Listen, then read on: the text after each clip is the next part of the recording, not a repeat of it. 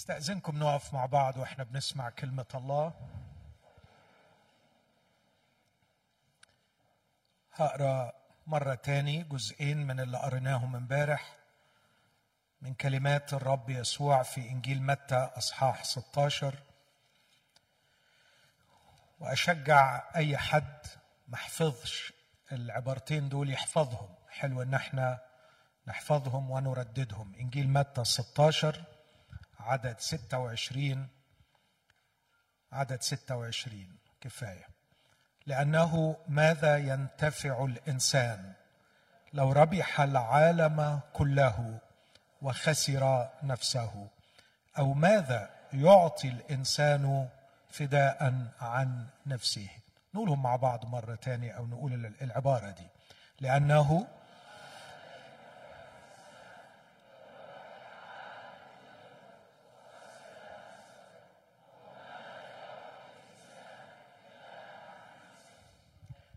الجزء الثاني من رسالة الرسول بطرس إلى المؤمنين في شتات بنتس وغلاطيا وكبدوكية الرسالة الأولى والأصحاح الأول. بطرس الأولى واحد أقرأ فقط العدد الأول والثاني. بطرس رسول يسوع المسيح إلى المتغربين من شتات بنطس وغلاطية وكبدوكية وآسية وبيثينية. المختارين بمقتضى علم الله الآب السابق في تقديس الروح للطاعة ورش دم يسوع المسيح. لتكثر لكم النعمة والسلام. أرجو نلاحظ الثالوث الأقدس في هذه العبارة. اختارنا الله الآب بتقديس الروح القدس ورش دم يسوع المسيح. فإحنا في حضرة الثالوث الأقدس نتمتع بالشركة مع الله الآب الله الابن الله الروح القدس. خلونا مرة تاني نقرأ العبارة دي ونطلب من الرب إنه يغرسها في قلوبنا. بطرس رسول يسوع المسيح إلى المتغربين.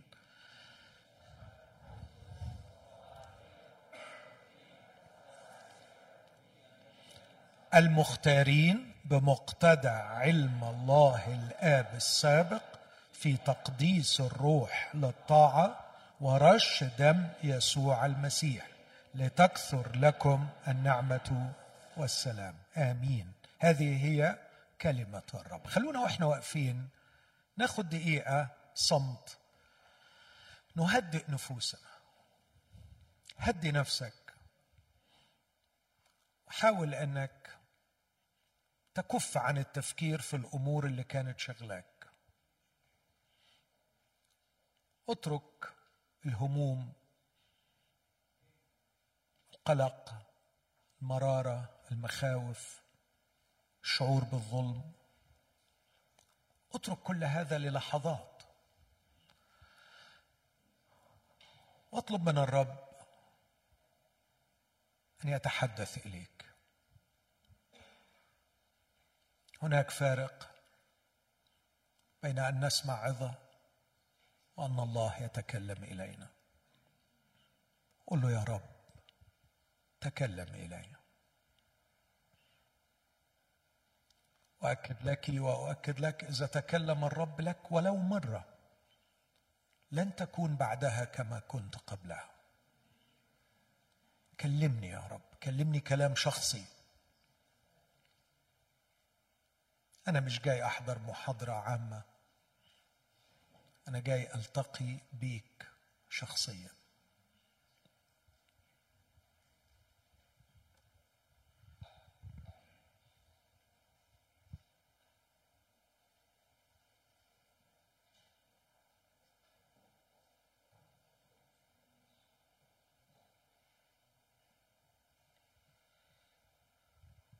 رب الحبيب يسوع كما كنت تتحنن وتفتح فاك وتعلم أنت ترى شعبك. لسنا في احتياج كالخبز المادي لكن في احتياج عميق لك يا خبز الحياة. كلمنا يا رب كلمنا يا رب. اشبعنا بكلامك. افتح عقولنا لتستوعب الحقيقة. وانر بنور الكلمة فيسطع النور على أعماقنا. انرنا انر بوجهك علينا فنخلص. وارجعنا إليك فنرجع.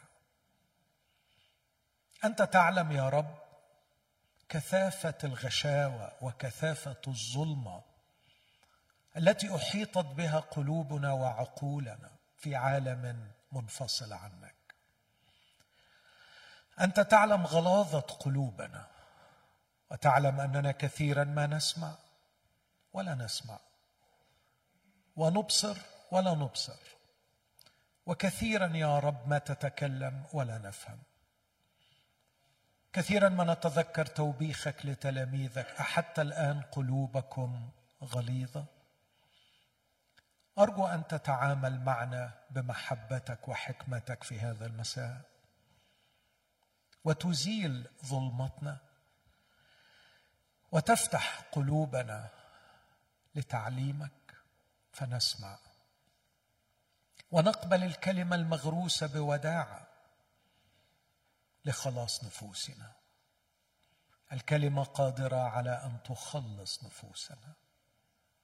تضرع إليك من أجل كل نفس لم تخلص إلى الآن. خلص نفوس يا رب. واعطي كل نفس مستمعة مبتدئا بعبدك المتكلم. تكلم إلي علمني أنا شخصيا. واعطنا جميعا. أن نخرج من هذا المكان بانطباع واحد أننا التقينا بك. في اسم المسيح يا أبانا اسمع واستجب. آمين. تفضل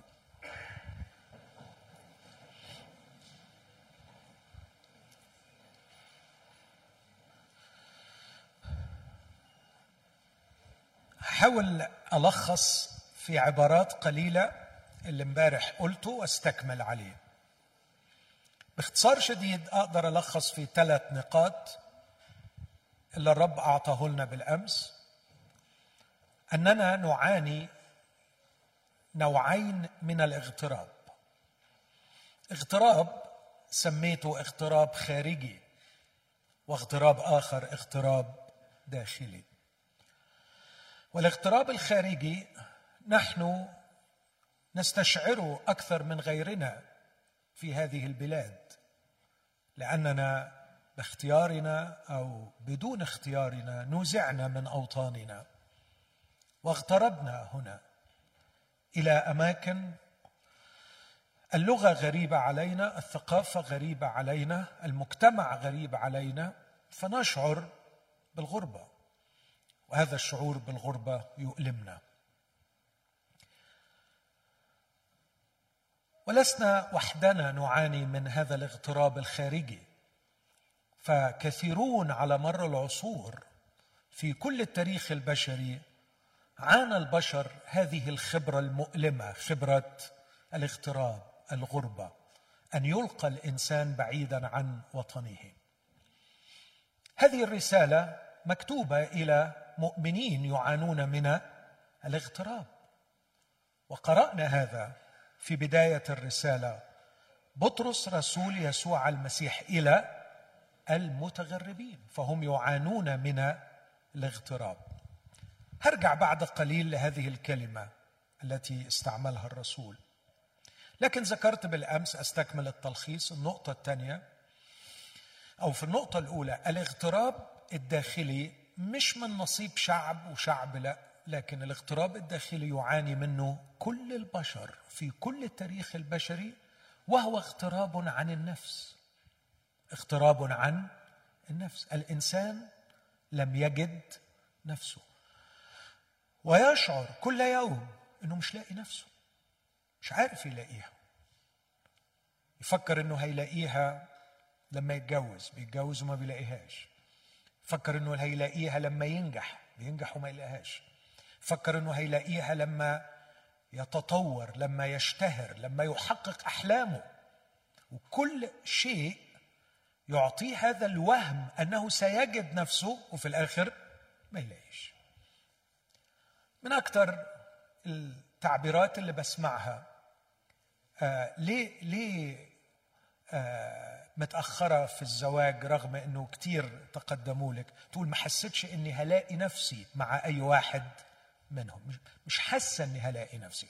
أو واحدة تهد زواجها أحيانا تقول لأني ما لقيتش نفسي معاه أو شغلانة وده كتير الكارير شيفت بيحصل دلوقتي.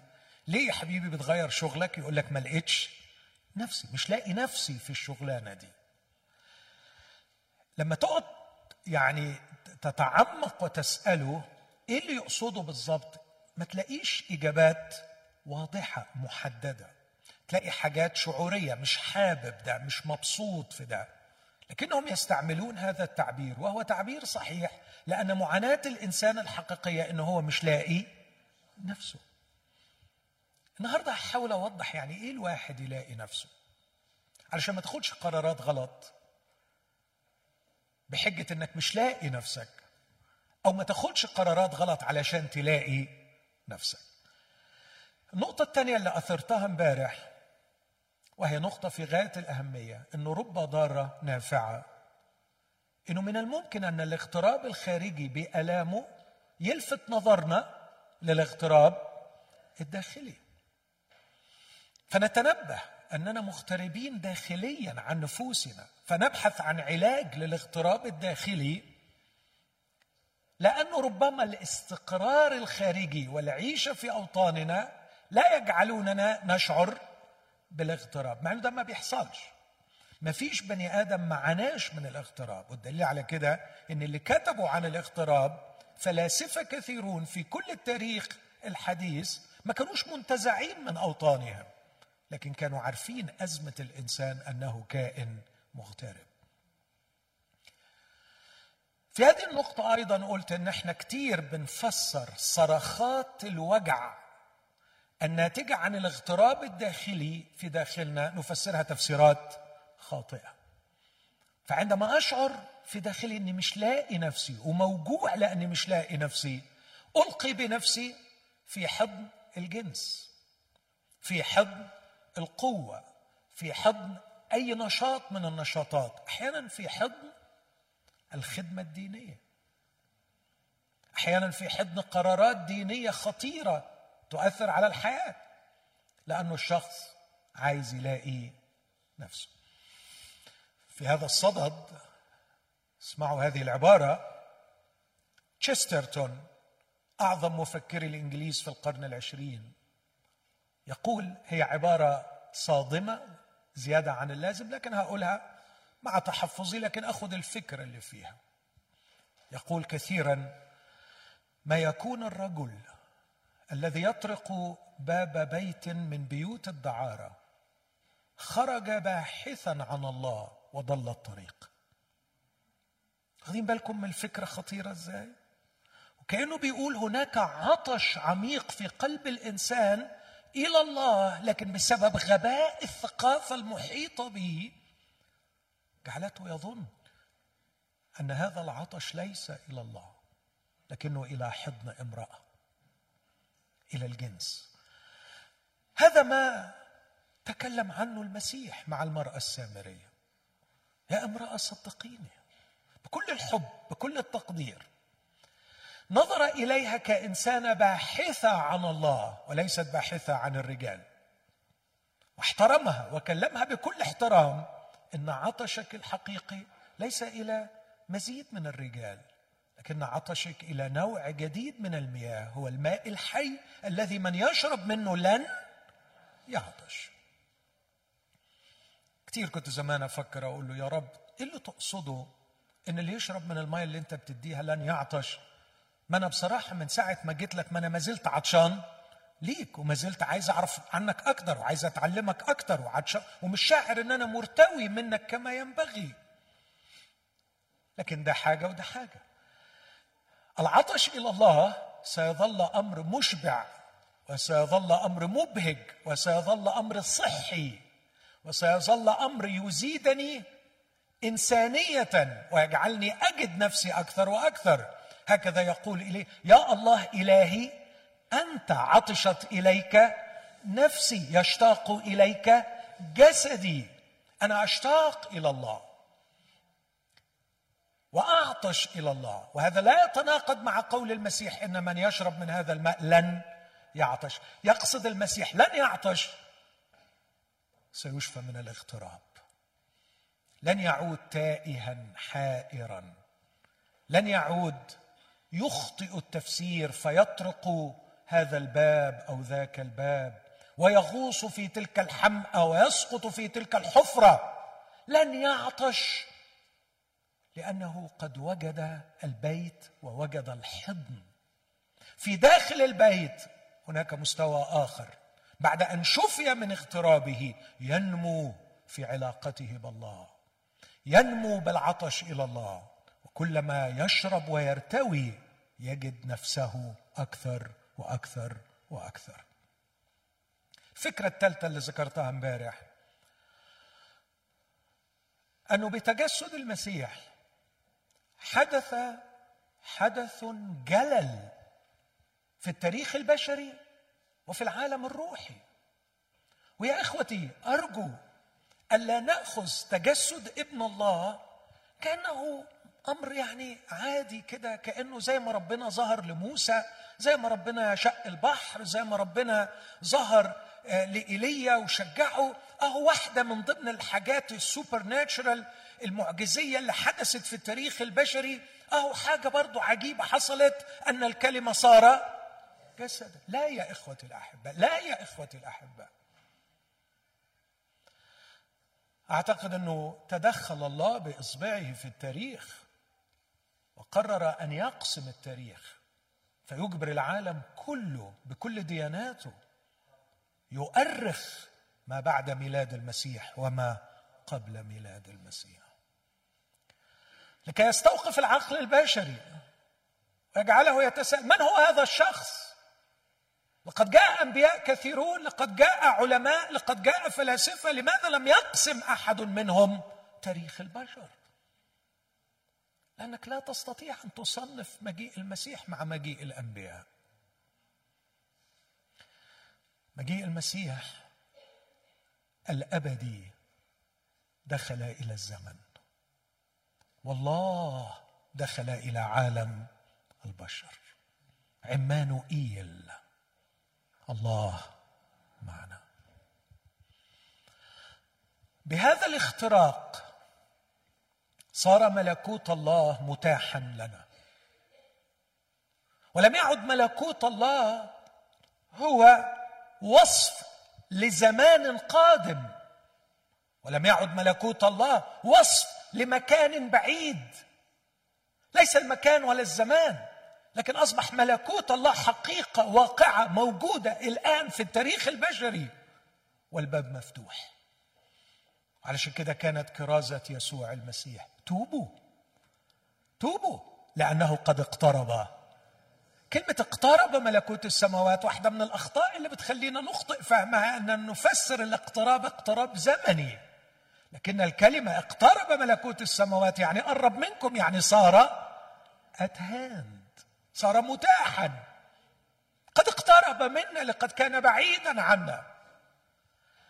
لكن الملكوت الآن وصل.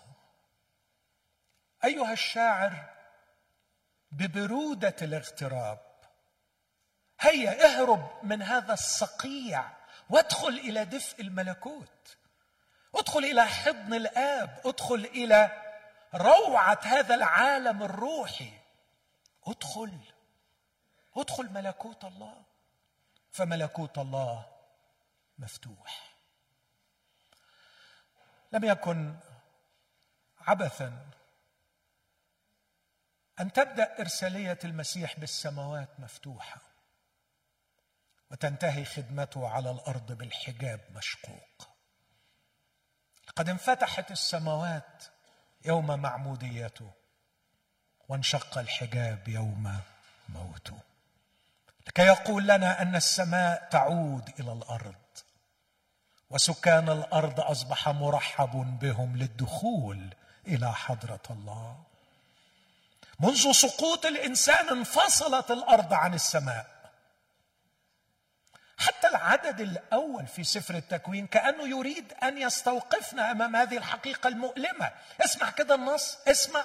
في البدء خلق الله السماوات والأرض. قول معايا العبارة دي تاني. في البدء خلق الله السماوات والأرض. السماوات والأرض كتلة واحدة لا تنفصل. بس عارف العدد اللي بعده إيه؟ وكانت الأرض خربة وخاليه فين السماوات؟ فين السماوات؟ لقد حدث الانفصال. لم تعد الأرض في علاقة مع السماء. كانه يريد أن يقول لنا هذه الحقيقة. وكأنه يأخذنا إلى مشهد معمودية المسيح بسرعة فيقول وروح الله يرف وفي المعمودية نرى السماوات مفتوحة وروح الله نازلا ومستقرا على يسوع. وكأن ما خسرناه في آدم الأول إذ فاصل الأرض عن السماء يعود إلينا في آدم الأخير إذ يفتح السماء على الأرض. فيش هللويا؟ فتح لنا السماء. فتح لنا السماء. ما أمجد هذا الذي اجثو أمامه بالخشوع. وأشعر بالإجرام إن صنفته مع الأنبياء. فالأنبياء في أعظم ما عملوا نقلوا إلينا كلام الله. أما المسيح فقد فتح لنا السماء. المسيح صالح السماء مع الأرض. المسيح مخلص. فيه سر أن يحل كل ملء اللاهوت وفيه سر الله أن يصالح به الكل لنفسه. ما في السماوات وما على الأرض. عاملا الصلح بواسطته بدم صليبه. يوم معموديته انفتحت السماء ويوم موته انشق الحجاب. لكي يقول لنا لنتقدم بثقة بالدخول إلى الأقداس. ادخل. ادخل إلى السماء عينها لأن السماء اتفتحت على الأرض بمجيء المسيح. البهجة والفرحة في خبر الإنجيل مش إنك لما تموت تروح السماء. أنا ما أعتبرش ده إطلاقا خبر مفرح. الخبر المفرح إن دلوقتي أقدر أدخل إلى ملكوت الله. أعطيني شيئا يقينيا حقيقيا. ما تقوليش لما تموت هتروح السماء يعني إيه لما أموت أروح السماء أنا عايز دلوقتي. عايز قوة تغير حياتي. عايز قوة تغير طبيعة وجودي. عايز قوة. تخلقني من جديد فتجعلني أجد نفسي.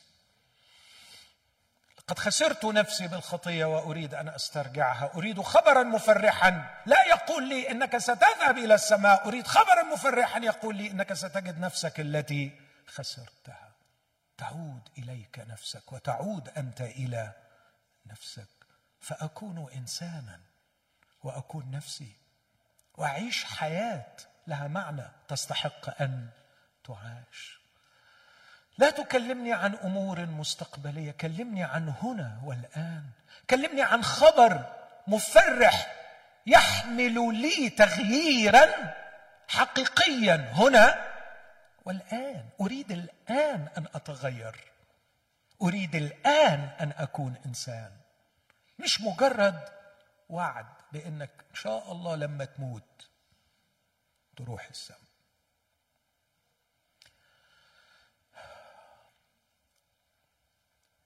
ده كان تلخيص اللي الرب اعطاهوني امبارح معاكم.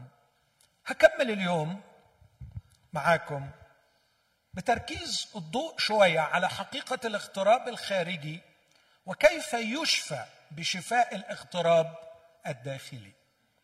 هقول تاني. الاغتراب الخارجي يشفى بشفاء الاغتراب الداخلي. يعني إذا شفي اغترابك الداخلي ووجدت نفسك ستستطيع أن تتحمل أقصى أنواع الغربة. أنا عارف إن إحنا بنعاني من الغربة. ولا أعد إني أحمل علاجا لمن يعانون من ألام الغربة. عرفش عرفش ارجعك وطنك ولو رجعت وطنك للأسف مش هتلاقي وطنك وطنك. أوطان بتتغير. ومرات بنشعر أننا غرباء حتى في أوطاننا. أنا لا أستطيع أن أعالج الاغتراب الخارجي. لكني أضمن لك بنعمة الرب وأتحمل مسؤولية هذا الكلام. إذا شفي اغترابك الداخلي ستستطيع أن تتحمل اغترابك الخارجي مهما كانت قسوته. أسمع أمين. فتصبح قضياتك الآن ليست تتأقلم مع وجع الغربة ووجع الاغتراب لكن تصبح قضياتك العظمى هي أن تشفى من اغترابك الداخلي. هؤلاء المؤمنين الذين يكتب إليهم الرسول بطرس مغتربين اغتراب خارجي. مشفيين من الاغتراب الداخلي. وأنا أدعوكم لقراءة هذه الرسالة من هذا المنظور. هتقرأ عن مؤمنين بيعانوا اغتراب خارجي وما تشافوش منه. بالعكس كانوا متبهدلين. كانوا بيتشتموا كل يوم. حتى إنه يقول لهم حتى يكون الذين يشتمون سيرتكم الصالحة يخزون فيما يفترون به عليكم كفاعل شر. يقول لهم كده. بيقول لهم لا تستغربوا البلوى المحرقة الحادثة بينكم. دول عايشين في بلوى. دول عايشين بيتشتموا كل يوم. عايشين غرباء. بس الناس دي كانت مشفية من الاغتراب الداخلي. وهوريكم إزاي شفيوا من الاغتراب الداخلي. بس عايز أأكد على أنهم مغتربين اغترابا خارجيا مؤلما. إلى المتغربين من شتات بونتوس غلاطيا كبدوكية آسيا بثينية دول أصلا يهود أمنوا بالمسيح وهم يعانون في بلاد الشتات. أكثر شعب تشتت إحنا عارفين وعانى الشتات هو اليهود. وأعتقد أن القرن العشرين يشهد عن تاريخ مخزي ومروع لما فعل فيهم كمشتتين. التاريخ كله يشهد عن حتى أن أصبحت قصة اليهود التائه قصة معروفة تائه مشتت. الكلمة المستعملة هنا إلى المتغربين. شوفوا روعة الروح القدس واللي بيكتب بطرس صياد السمك لكن علشان تعرفوا تكلم أناس الله القديسون مسوقين من الروح القدس. استعمل كلمة في اليونانية هي παρα επίδημος παρα επίδημος واضح إن الكلمة من ثلاث مقاطع. παρα επίδημος δήμος يعني شعب.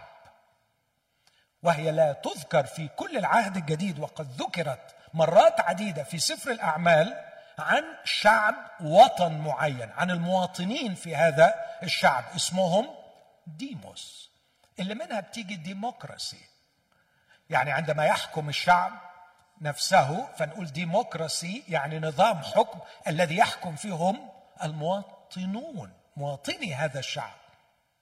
ديموس. بس الناس دول مش ديموس. طب امال إيه في نوع تاني اسمه إبيديموس. إبيديموس جاءت مرات عديدة في سفر الأعمال تترجم الدخلاء ترجمت مرة أخرى المستوطنين. إبيديموس ما هماش ديموس لكن درجة تانية لكن على الأقل اعتبروا أخذوا الجنسية من الآخر كده أتقنوا اللغة. ربما الجيل الثاني خلاص تأقلموا على الوضع تأقلموا على الثقافة.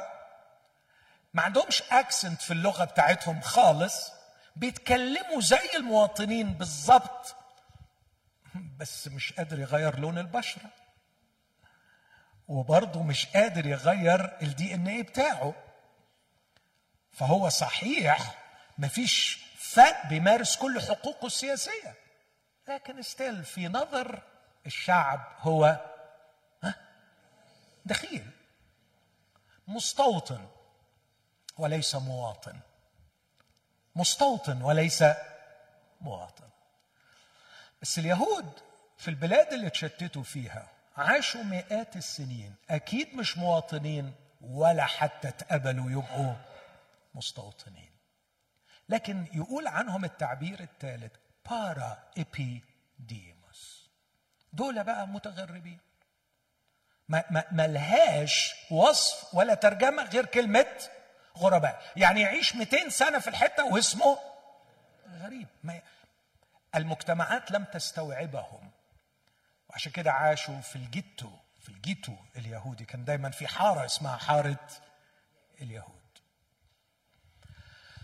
عاشوا يعانون قسوة الاغتراب. عاشوا مرفوضين عاشوا يحسدوا كل الجنسيات الأخرى التي استوطنت في الإمبراطورية الرومانية وصاروا ليسوا مواطنين لكن مستوطنين. لكن هم يعانون وجع الغربة هم وأطفالهم. لكن اللي حصل حاجة تانية. حصل إنهم بلغتهم رسالة الإنجيل فقبلوها فصاروا مسيحيين. فهم عايشين في حارة اليهود لكن قبلوا الإنجيل فصاروا مسيحيين فمين رفضهم؟ أهلهم. أهلهم. فلك أن تتخيل عمق الاغتراب. من كل النواحي مرفوض وغريب ومكروه. فطردتهم حارة اليهود طردتهم الحارة. الغريب إنه الإمبراطورية الرومانية كانت بتفرض على كل الجنسيات الأخرى والشعوب الأخرى إنهم لازم يعبدوا القيصر ولازم يقولوا قيصر رب. الجنس الوحيد اللي استثنوه من الموضوع ده هو اليهود. قالوا دول بتوع مشاكل وهنقعد نرازي فيهم وهيصروا برضو إن هم ما يقولوهاش فبدل ما نبيدهم نعمل لهم استثناء. فكان أي واحد اسمه مكتوب في المجمع ما دام عضو في المجمع معفي من السجود لقيصر. واللي ما يسجدش لقيصر بتقطع راسه بس دول معفيين.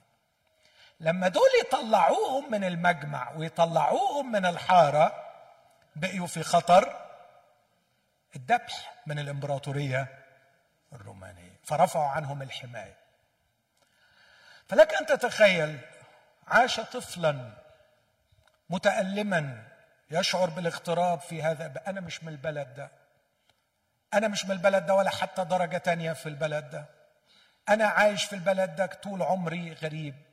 وبعدين عيلتي أمنت بالمسيح فطردنا من المجمع اليهودي. فصرنا غرباء مضاعفا أهلنا طردونا. ومش بس طلعنا من أهلنا الإمبراطورية الرومانية ما بتطقش حاجة اسمها مسيحيين فضفنا على مصيبتنا. مصيبة. ده الوضع حاول تقارن الغربة اللي انت فيها النهاردة بالغربة بتاعت الناس دول. أعتقد انت في نعيم صح؟ انت في نعيم. بس عايزك تقارن حالك بحال الناس دول كمشفيين من الداخل. وهوري لك كمشفيين من الداخل إزاي كانوا بيقدروا يتحملوا الاغتراب اللي من الخارج. بص معايا في الرسالة دي مثلا الرسالة دي الرسول يقول لهم مش عارف أقرأ إيه ولا إيه لكن أقرأ بس.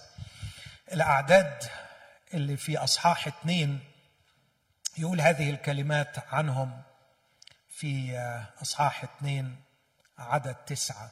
الرسول يقول لهم وأما أنتم أما أنتم فجنس مختار كهنوت ملوكي. أمة أمة إحنا بقينا أمة عدد تسعة. وأما أنتم فجنس مختار كهنوت ملوكي أمة مقدسة. هرجع لكلمة مختار دي بعد شوية. بس على الأقل كلمة أمة دي كانوا في حنين إليها. إحنا نفسنا نبقى أمة أو نبقى من الأمة. لهم لا أنتوا بقيتوا أمة مقدسة. أيها المسيحيون يا من قبلتم خبر الإنجيل. وشفيتم من اغترابكم الداخلي. لقد أخذكم الله وجعلكم له شعبا خاصا. فصرتوا أمة مقدسة. أنتوا بقيتوا شعب مختلف. تخيل بدل ما أبقى شايف إن أنا منبوذ من شعب أي كلام أنا بقيت كهنوت ملوكي. أقدر أدخل إلى حضرة الله إلى مذبح الله إلى داخل أقداس الله كهنوت ملوكي أمة مقدسة شعب اقتناء. مش شعب مرفوض ده أنتم شعب مقتنى لكي تخبروا بفضائل الذي دعاكم من الظلمة إلى نوره العجيب. الذين قبلا لم تكونوا شعبا. وأما الآن فأنتم شعب الله. قد إيه قد ده شفاء؟ وهو بيتذكر هذه الكلمات. يقول لنفسه نعم أنا لست من الشعب الروماني وحتى الآن لست من الشعب اليهودي لكني صرت من شعب الله. إيه رأيك في ده؟ أيوه أنا فعلا ما أقدرش أعطي لنفسي لقب مواطن روماني ولا لقب يهودي لكن أقدر أقول أنا إلهي من شعب الله. لم تكونوا قبلا شعبا أما الآن فأنتم شعب الله. تخيل الكلمة. أتمنى يكون وقعها علينا رائع وقوي ومؤثر. الذين كنتم غير مرحومين وأما الآن فمرحومون. بقية الرسالة الرسول يقول كيف شفاهم الله. يختم هذا الأصحاح في عدد 25 اسمعوا العبارة دي أصحاح 2 عدد 25 لأنكم كنتم كخراف ضالة. لكنكم رجعتم الآن إلى راعي نفوسكم وأسقفها العدد اللي قبله مباشرة يقول الذي بجلدته شفيتم. قد شفاهم من الاغتراب الداخلي وجعلهم يجدون أنفسهم.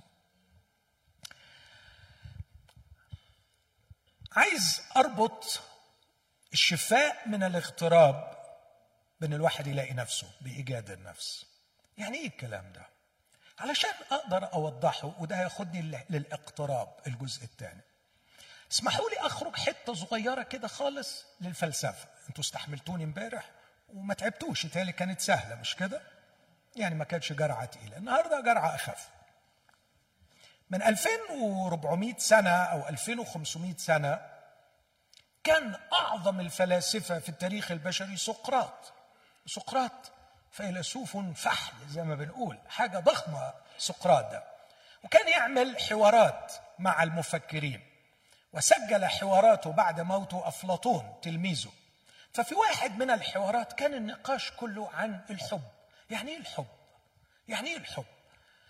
فابتدى كل واحد من المفكرين يطرح طرح يجاوب به عن هذا السؤال العظيم ما هو الحب؟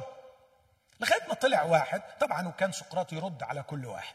لغاية ما واحد فيهم اسمه ارسطوفانس طرح طرح غريب قوي عن الحب وسقراط رد عليه. وأنا الحقيقة عجبني هذا الطرح وعجبني الرد وعايز أخده وأنتقل منه إلى وصف حالة اغتراب الإنسان ووصف العلاج المسيحي من خلال الاقتراب. وهوضح كلامي ده. ارسطوفانس قال أنا هشرح لكم إيه هو الحب.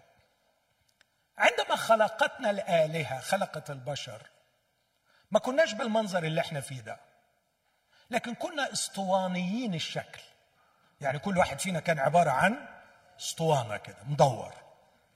وليه أربع عيون اثنين من قدام واثنين من ورا. وليه أربع ودان وليه أربع إيدين وأربع رجلين. فكنا أقوياء جدا. وعملنا ضجيج كبير أزعج الآلهة. وأصبحنا نمثل خطرا على مملكة الآلهة.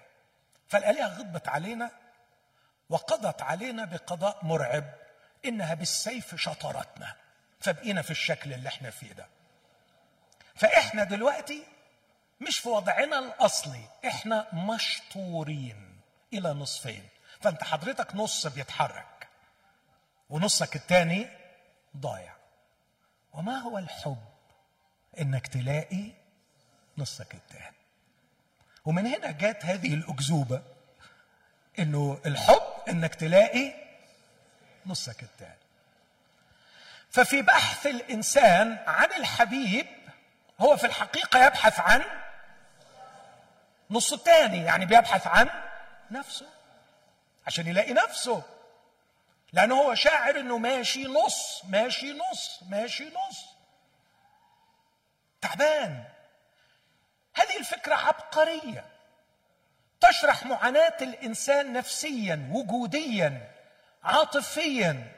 أن الإنسان يشعر في أعماقه نقصه حاجة كبيرة مش لاقيها. والحاجة دي مش مجرد إنها إضافة إليه يمتلكها. لأ. الحاجة دي أنا بها سأكتمل. الحاجة دي أتوحد بها. وعندما أتوحد بها أصير أنا وهي ها حتة لفوق شوية أجمد شوية. أصير بها نفسي برافو. أصير بها نفسي لأني أنا دلوقتي منيش نفسي. أنا مش نفسي. أنا مشطور. وأحتاج إلى الحبيب. الذي به أكتمل هذه أسطورة هذه myth myth من ال mythology اليونانية التي تحاول وال mythology عموما بيحاولوا من خلاله يشرحوا معاناة الإنسان من خلال قصة تصويرية. سقراط رد عليه رد جميل جدا. قال له أعتقد أن الطرح بتاعك غير دقيق لأنه إذا وجدت هذا النصف الآخر ستلتحم به كله لكي تجد الحب وتصير واحد أو تصير نفسك. لكن المنطق بيقول لنا إنه لو أنا عندي في جسمي عضو فاسد أنا بقطعه. وده كان بيحصل كتير. فأنت علشان تتوحد بهذا النصف الآخر لازم تضمن حاجة إن يكون النص الثاني ده كله إيه؟ سليم. أو بلغته يكون الصلاح المطلق. ال absolute goodness ده اللي يخليك تطمن إنك تسلمه نفسك وتلتحم بيه. وبما إنه ال absolute goodness مش موجود فالطرح بتاعك. مش مظبوط. بس أنا عندي خبر رائع. عندي خبر رائع إن ال absolute goodness وصل. لأن الكلمة صار جسدا وحل بيننا ويدعونا يدعونا يدعونا للالتحام به. لكي أجد نفسي. هو حبيب وقدم نفسه على أنه الحب.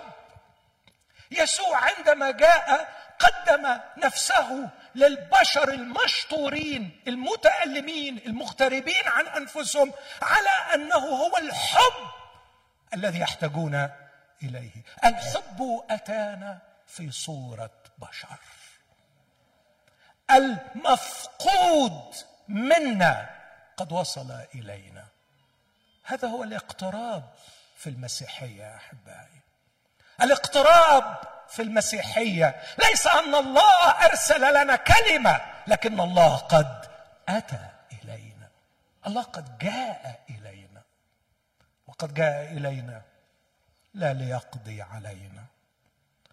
أتى إلينا لا لكي يعطينا شريعة. فالشريعة كانت مكتوبة في قلوب البشر ولم يعملوا بها. أتى إلينا حبيبا. نلتحم به. وعندما ألتحم به أصير نفسي. وأجد نفسي. ده خبر الإنجيل.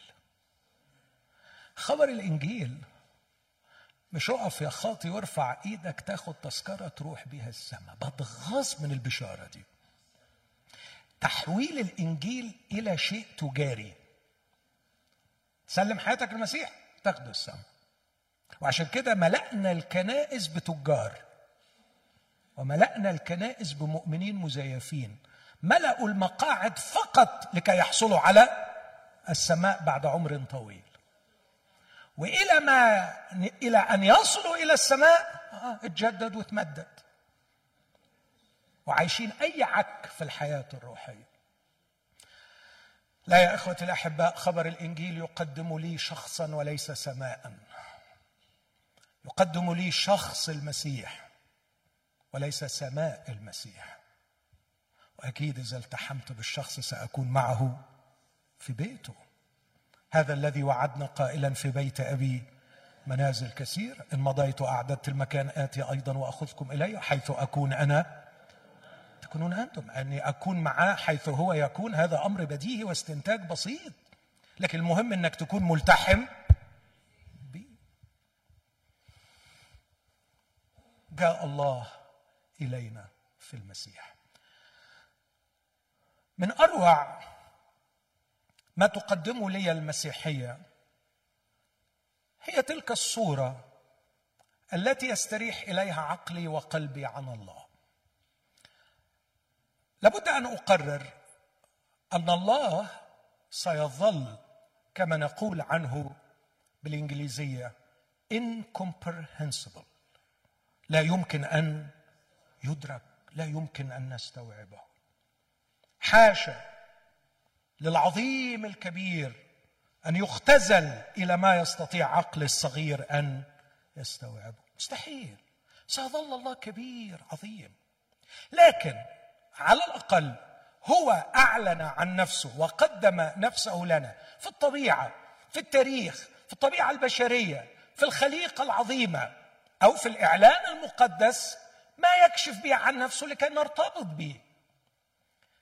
إذا أردت امتحان صحة الديانة أو إذا أردت امتحان صحة ما نسميه وورلد فيو فلسفة أو منظومة فكرية عن الله من أكثر الأشياء اللي تهمني في الأول ما هي الصورة التي يقدمها لي عن الله. مين هو الله؟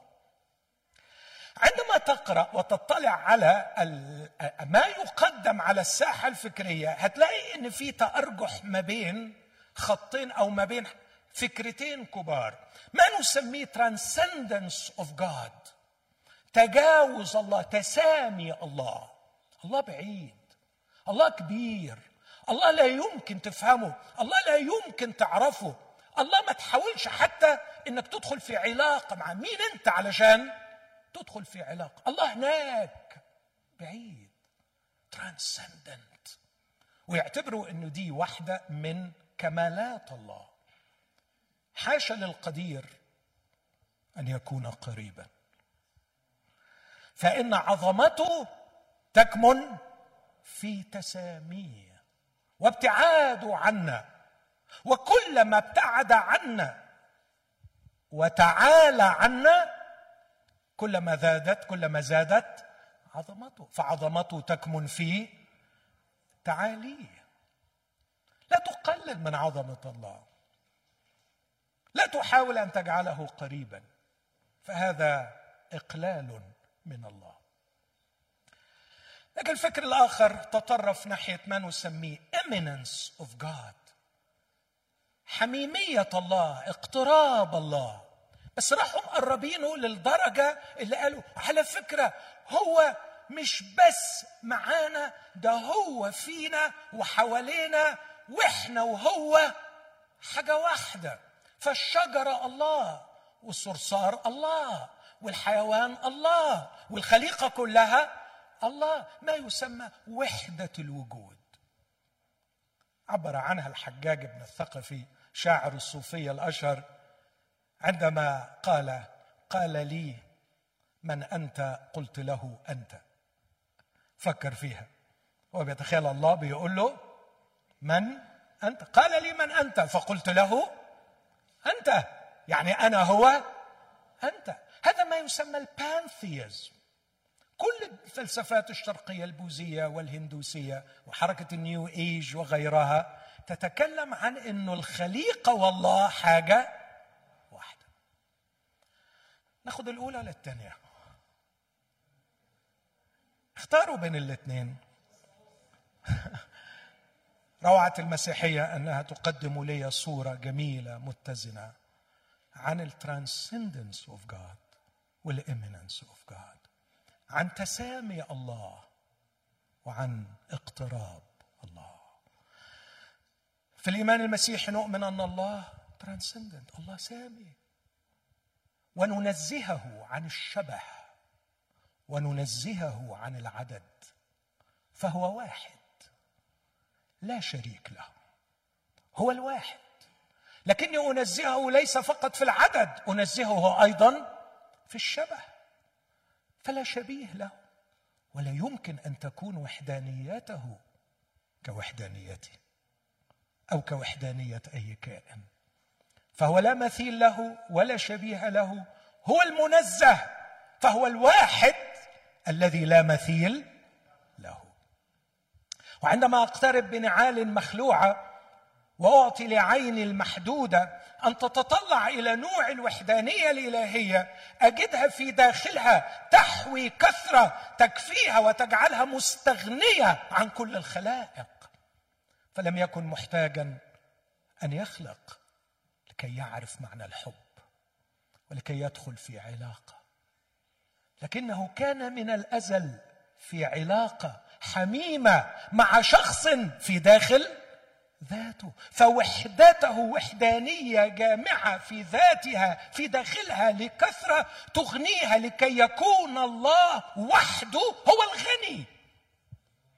الغني المستغني عن خلائقه. لا يحتاج لشيء خارجه يقوم به ويصير الله. حاول أن تتخيل الله ما يعرفش يدخل في علاقة. أي إله هذا نتميز نحن عنه؟ فاحنا قادرين نبقى في علاقات وهو يا حرام؟ ما يعرفش. أو ما كانش بيعرف بس الحقيقة بعد ما خلق اتعلم إزاي يدخل في علاقة. إيه رأيكم في الكلام الفارغ ده؟ كلام فارغ. حاشا لله. هو من الأزل يعرف معنى الحب. وهو لا يحب نفسه. فمحبة النفس شر. لكنه هو في الداخل. يجمع في ذاته في جوهره الواحد. شخصيات أقانيم. يستطيع أن يستمتع بالعلاقة في داخل ذاته. هو الترانسندنت هو المتجاوز هو المتسامي في كل شيء حتى في نوع وحدانيته. طب نوع الوحدانية دي في كم واحد منها؟ ولا واحد. وهذا هو توحيدنا لله. نحن نوحده في نوع وحدانيته. أقول تاني. نحن نوحده في نوع وحدانيته. هو الواحد اللي ملوش زي اللي ملوش شبه. لو وحدانيته شبه وحدانيتي ما يبقاش ما يبقاش الواحد. يبقى فيه زيه. لكنه المتسامي جدا. المتسامي عددا والمتسامي نوعا هو الفريد هو الهولي أذر هو الآخر الكبير تماما الذي لا شبيه له. لكن في الايمان المسيحي أيضا نؤمن أن الله قريب واقترابه منا لا يقلل من عظمته ابدا.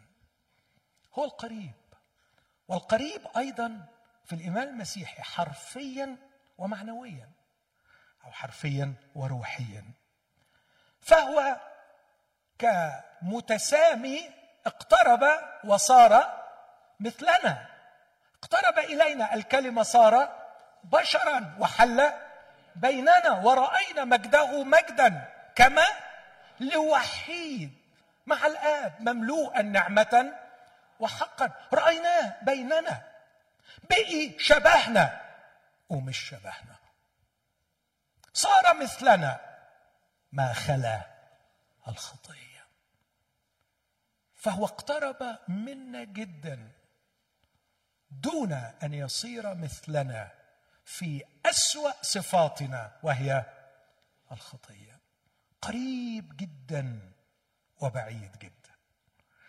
قريب جدا جدا جدا جدا حتى أنه يبكي ويتعب ويتألم ويشعر ويفرح ويتهلل. قريب منا يشعر بنا. وبعيد جدا عن خطايانا.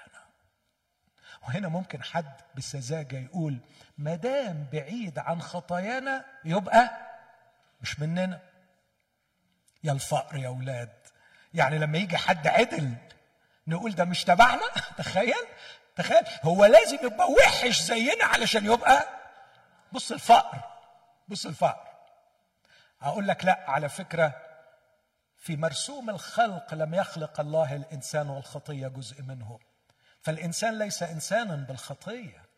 الإنسان فقد إنسانيته بالخطية. الإنسان إنسان بدون الخطية. عشان كده يسوع إنسان أكتر مني ومنك لأنه خالي من الخطية. هو ده الإنسان. هو ده الإنسان. الإنسان كما أراده الله. عشان كده يسوع يكره الخطية ويحس بالخطية ويشعر بالخطية أكتر من أي حد فينا؟ لأنه الخطية بلدت أحاسيسي فأحيانا ما بحسش بالخطية رغم إن أنا بعملها. يسوع يحس بيها ويفهمها من على بعد رغم إنه هو خالي من الخطية. قد اقترب إلينا. يقول الكتاب إذ قد تشارك الأولاد. في اللحم والدم. اشترك هو أيضا كذلك فيهما. هللويا. هللويا إن الله يا رب من يصدق؟ من صدق خبرنا؟ لمن استعلنت ذراع مين يصدق يا جماعة؟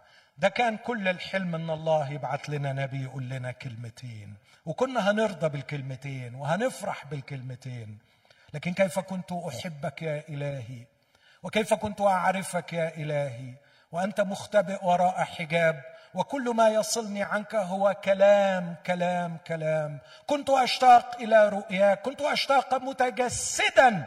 أستطيع أن أشعر بك وأتأكد أنك أنت أيضا تشعر بي. عمانوئيل الله معنا. لقد اقترب إلينا. لكن اقترابه إلينا لا يشفي اقترابنا. نحتاج إلى اقترابنا إليه لكي نشفى من اغترابنا الداخلي. والخبر الرائع في الإنجيل إنه اقترب إلينا لكي يقربنا إليه. وفرحكم ما سابش الأرض إلا بعد ما نجح في إنه يقربنا إليه. يقول عنه كده بولس بطرس في الرسالة دي. البار تألم من أجل الأثم. حد فاكر بقية الآية؟ لكي يقربنا إلى الله. تألم البار من أجل الأثم. لكي يقربنا إلى الله.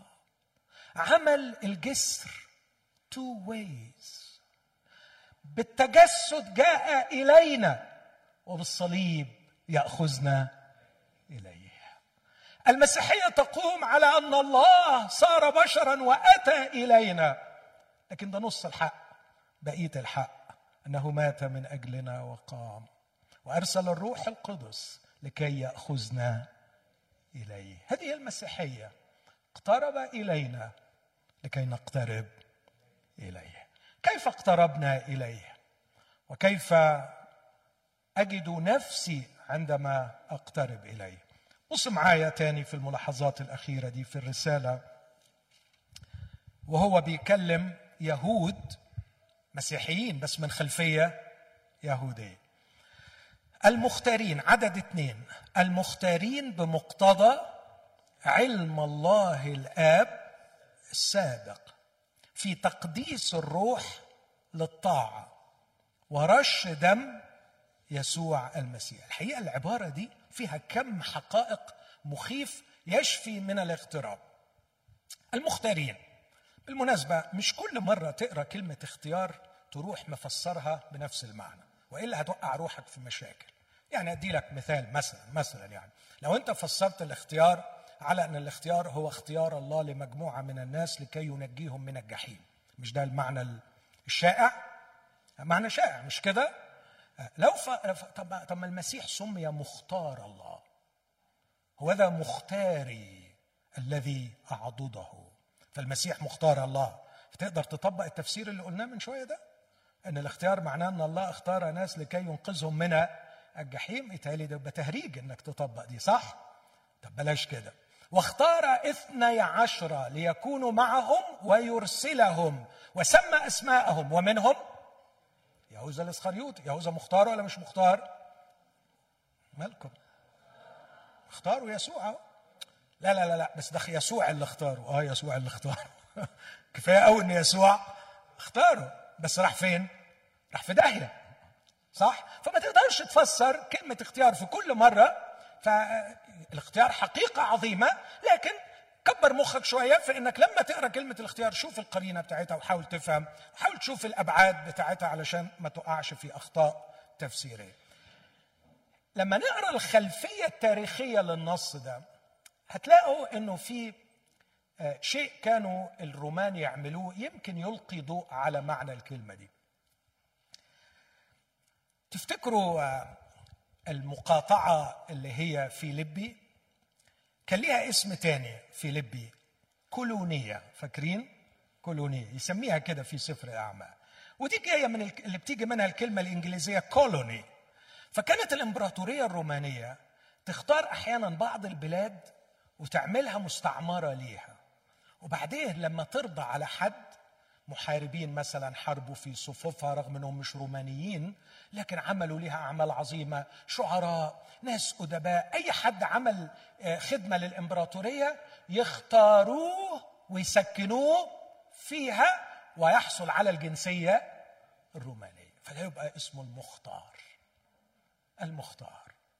بص الفكرة. طبعا كان حلم كل يهودي إنه يقع عليه الاختيار. دي تبقى يعني نعمه فاكرين لما آه، بولس قال للرجل أيجوز لكم أن تجلد إنسانان رومانيان ونحن غير مقضي أحلنا الراجل اترعب قال له هو حضرتك روماني؟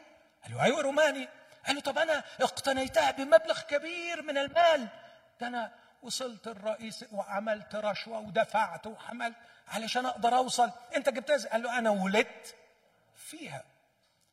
أن يحصل اليهودي على الجنسية الرومانية شيء من الأشياء التي يفتخر بها طول عمره بولس حطها ضمن لستة الافتخار في فيليب ثلاثة لما بيفتخر بيفتخر.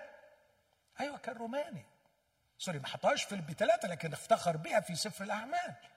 فخور إنه هو روماني. الرسول هنا بيعالجهم وبيقول لهم أنتم مختارين. بس مش مختارين من قبل الإمبراطورية الرومانية. لكن مختارين بمقتضى علم الله الآب السابق لكي تكونوا في المسيح. يا لعزكم يا لمجدكم يا لفخركم لم تختاروا لكي تكونوا مواطنين رومانيين لكن لكي تكونوا أبناء الله مشابهين صورة ابنه ليكون هو بكر بين إخوة كثيرين. هل يا أبي اخترتني لكي أحظى بهذه الجنسية وبهذا المقام. مختارين. كلمة الاختيار بالنسبة لليهودي لها بعد سياسي هو اللي شرحته لكن لها بعد روحي. بالنسبة لهم أكثر شيء يعتزوا به إنهم شعب الله. مختار ربنا اصطفاهم. ويتكلموا عن إبراهيم المختار. ودي آيات في الكتاب بس ما فيش وقت. إبراهيم مختار يعقوب مختار موسى مختار داوود مختار هارون مختار. كل حاجة عندهم اختيار اختيار. فلما ربنا يقول لهم أنتم مختارين شفاء من الاغتراب. أنا اخترتك ولم أرفضك. عيني كانت عليك ولاحقتك ولاحظتك وسعيت وراءك حتى أتيت بك إلي لأنك مختاري. لكن كمان يقول لهم بمقتضى علم الله الآب السابق في تقديس الروح. هترجم ترجمة شوية أميل إليها أدق. تقديس الروح لطاعة ورش دم يسوع المسيح. العبارة دي تحفة. تقديس الروح لطاعة ورش دم يسوع المسيح. أنتوا تعبتوا أنا عارف بس خلاص ركزوا معايا هي دقايق وهخلص. تقديس الروح شبهها واحد جهاد الروح القدس مع كل واحد فينا. سنين طويلة. في الضيق وفي الوسع في الصحة وفي المرض في الفقر وفي الغنى في لحظات الألم الرهيب وأنا متروك وحيد وفي لحظات الإحسان. كان روح الله يجاهد معي. ليعزلني من هذا العالم ويأخذني إلى مكان جديد. فاكر معاملات الله اللي كرهك بيها في الدنيا؟ دي كانت نعمة على فكرة. شبهها واحد تشبيه جميل.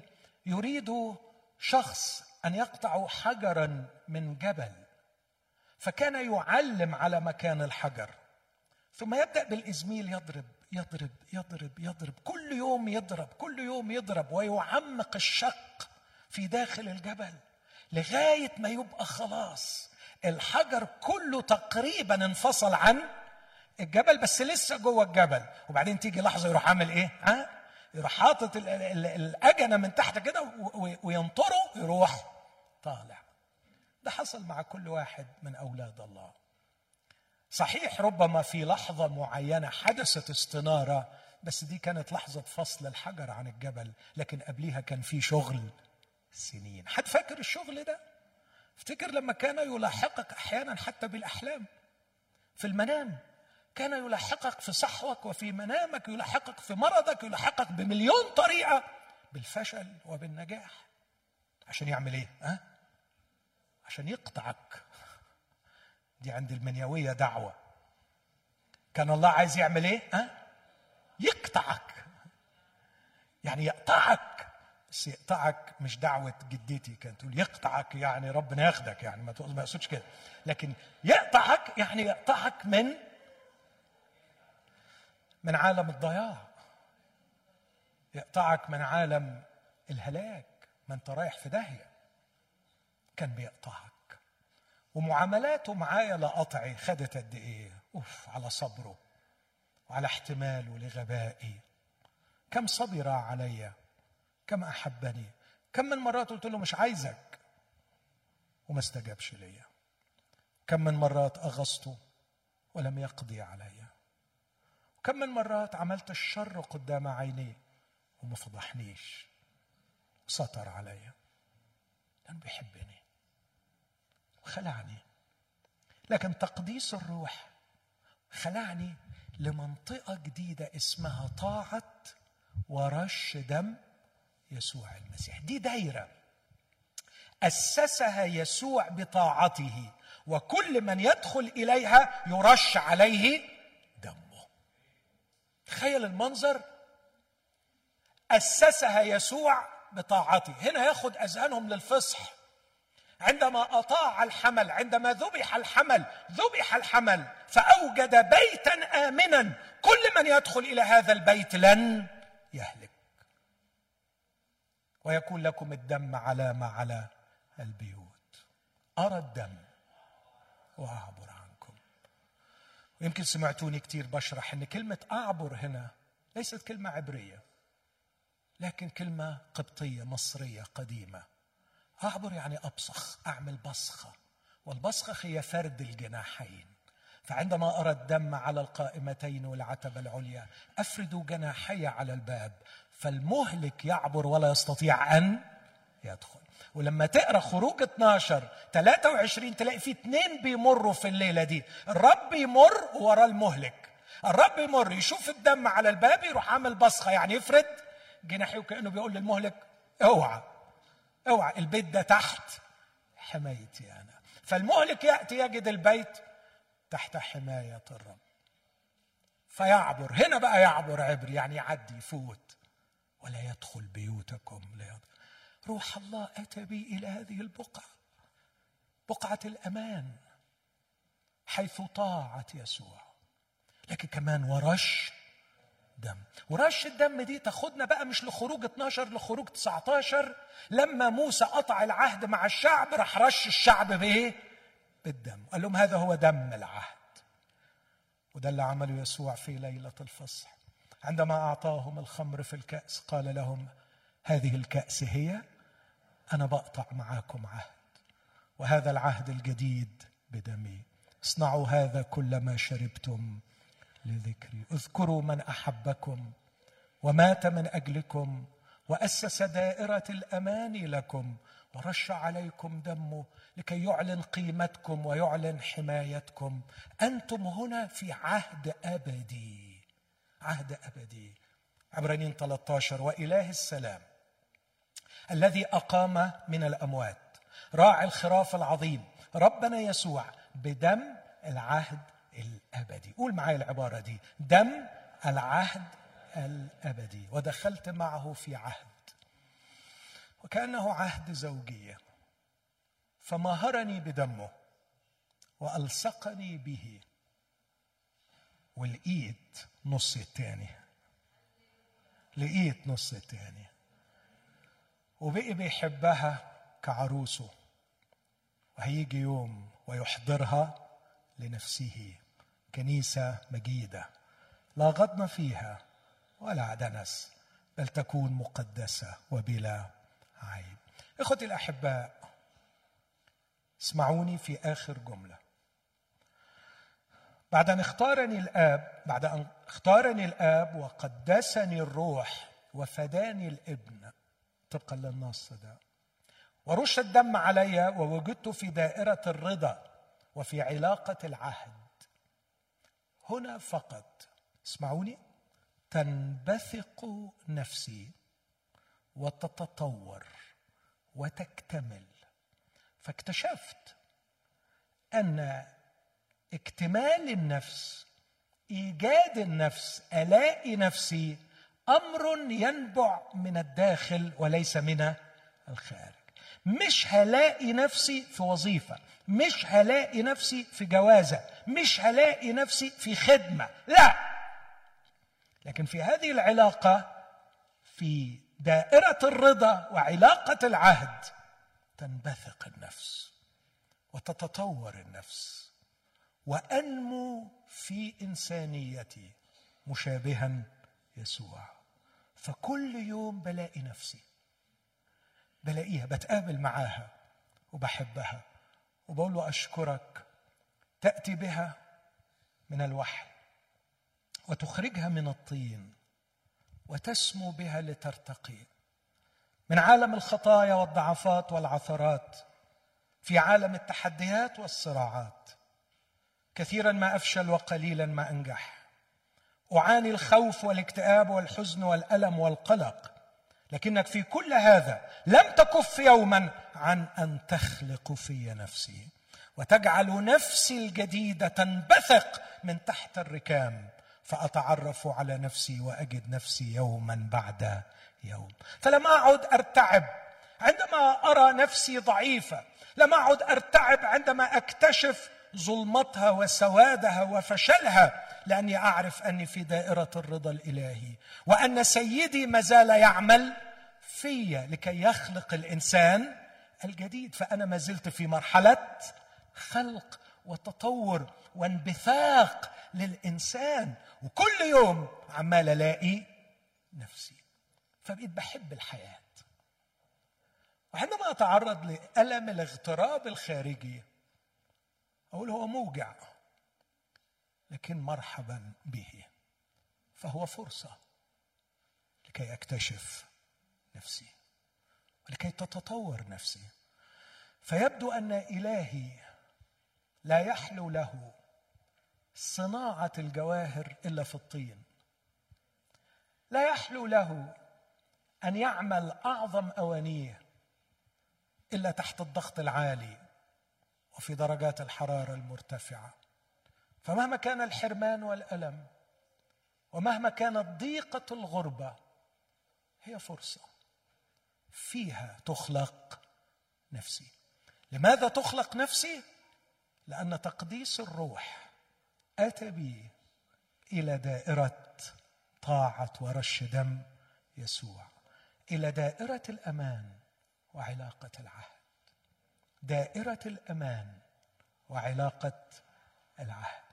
تدخل للبيت المرشوش بالدم ويترش عليك الدم. فتبقى في أمان وتبقى في عهد. وانت في الأمان وانت في العهد تتطور لكي تكون إنسان وتكون نفسك. تكون إنسان وتكون نفسك. خلونا نقف كلنا.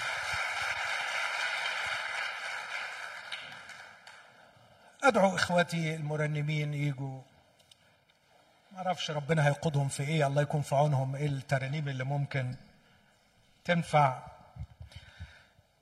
لكن آه، أنا بيهمني الدقايق دي. إحنا مش هنطول النهارده. دقايق قليلة ترنيمة واحدة.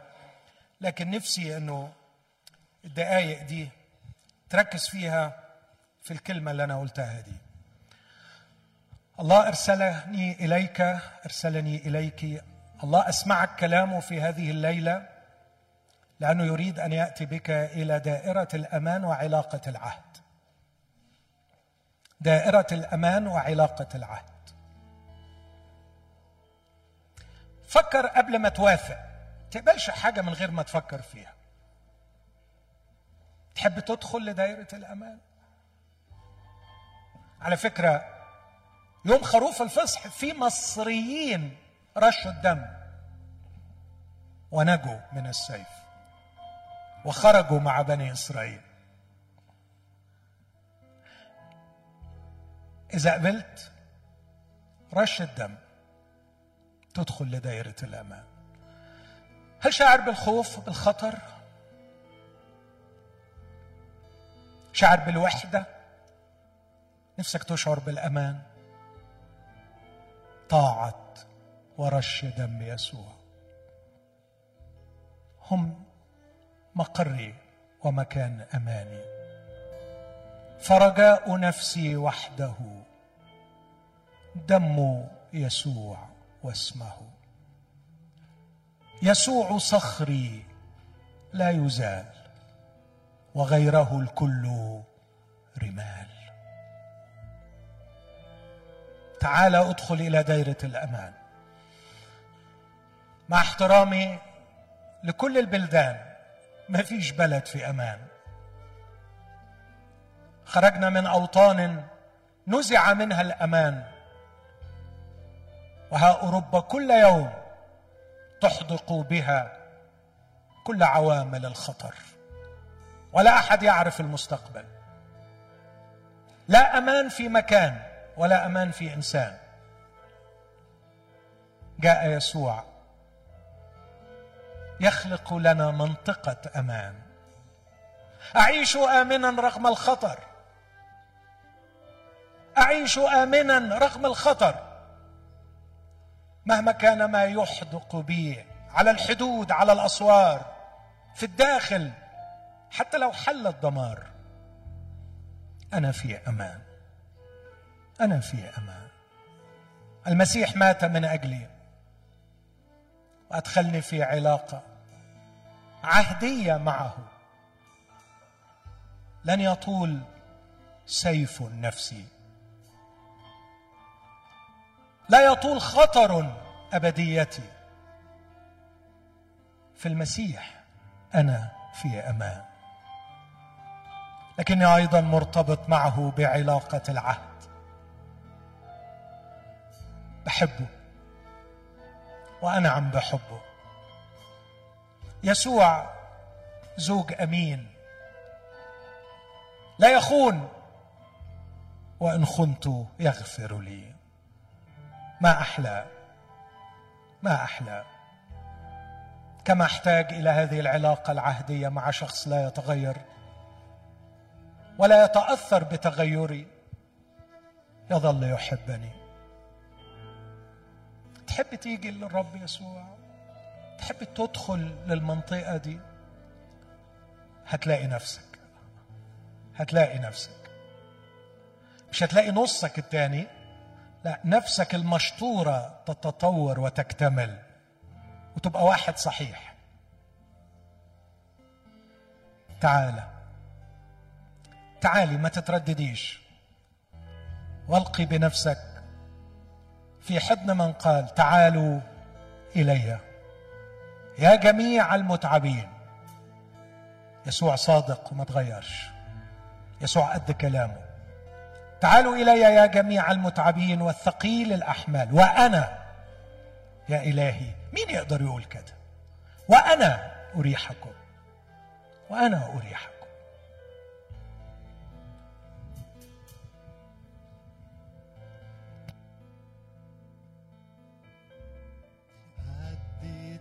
عظامي عارف بطباعي وصفاتي. بحكي ودمعي وأسرع تفاصيل حياتي. عديت عظامي وعارف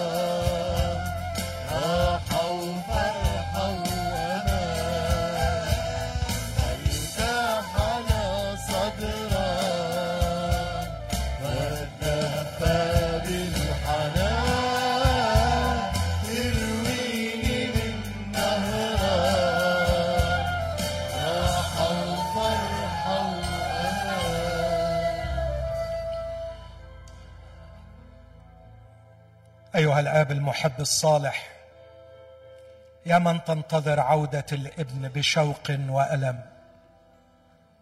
أيها الرب يسوع المخلص يا من أحببت حتى بذلت دمك.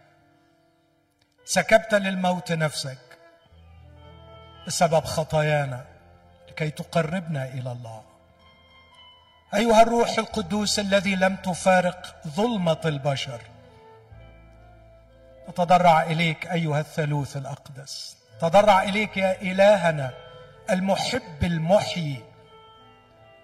نتضرع إليك أن تجذب كثيرين وكثيرات إليك في هذا المساء. أن تنتهي الليلة غربة كثيرين عنك. أن تكون الليلة ليلة تاريخية في وداع زمن الغربة والاغتراب. أن يهتف كثيرون بجلدته شفينا. أن يفرح الابن بحضن أبيه ونفرح جميعا بحضن العريس ونشعر جميعا بالأمان تحت غطاء الدم المرشوش.